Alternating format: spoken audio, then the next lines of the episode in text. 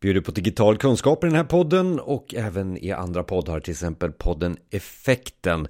Där finns jag, Jonas Jani och eh, nu senast så pratar vi med Mats Lövström.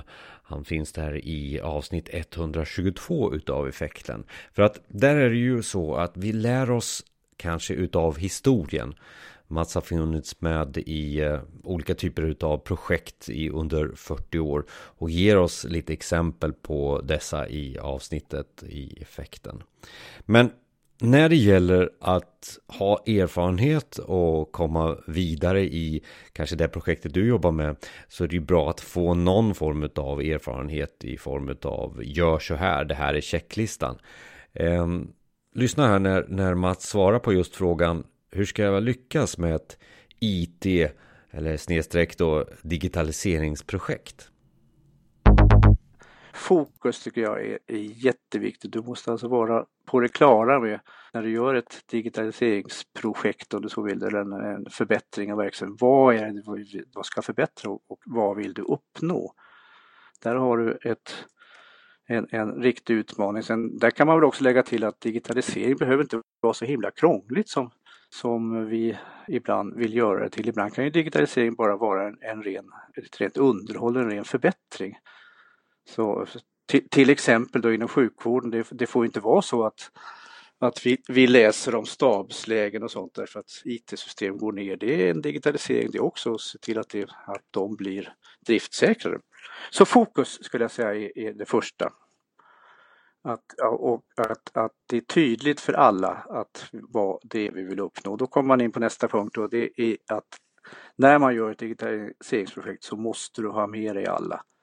Du måste veta att alla har förstått. Du måste använda dig av alla.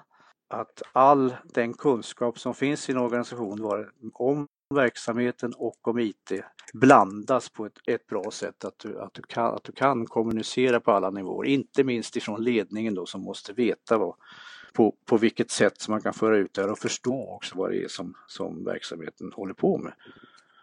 Och sen som nummer tre då, där har vi inte pratat om någonting, men, men, men det är ju att, att när man väl är på det klara med vad man vill göra, man har gjort alla förberedelser och man har tillsammans då med, med verksamheten bestämt och beskrivit processerna så gäller det ju att välja en partner för att oftast är det ju så att man har inte, man har inte den tekniska kunskapen eller den tekniska förmågan eller resurserna att genomföra det här projektet.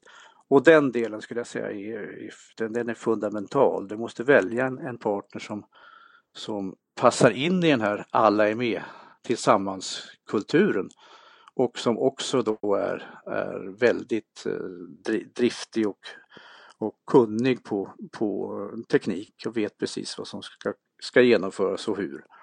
Så de tre grejerna ska jag säga, fokus, alla är med tillsammans, tillsammans kultur och sen att man väljer med omsorg rätt partner. Mer digital kunskap i den här podden. Sätt igång en prenumeration om du inte har redan gjort det. Finns på Spotify bland annat. Och sen så hade du den där 121 som avsnittet var där Mats Löfström då berättar om receptet, re, eh, facit kanske också till och med på hur du lyckas med ett digitaliseringsprojekt. Eh, inspiration och eh, värde, det är det jag försöker bjuda på i eh, det här. Och vi finns även på effekten.se om du vill vidare i digitaliseringens podcast. Eller så lyssnar du vidare här på små avsnitt som ger dig kanske ett steg framåt i din pågående digitalisering. Vi hörs!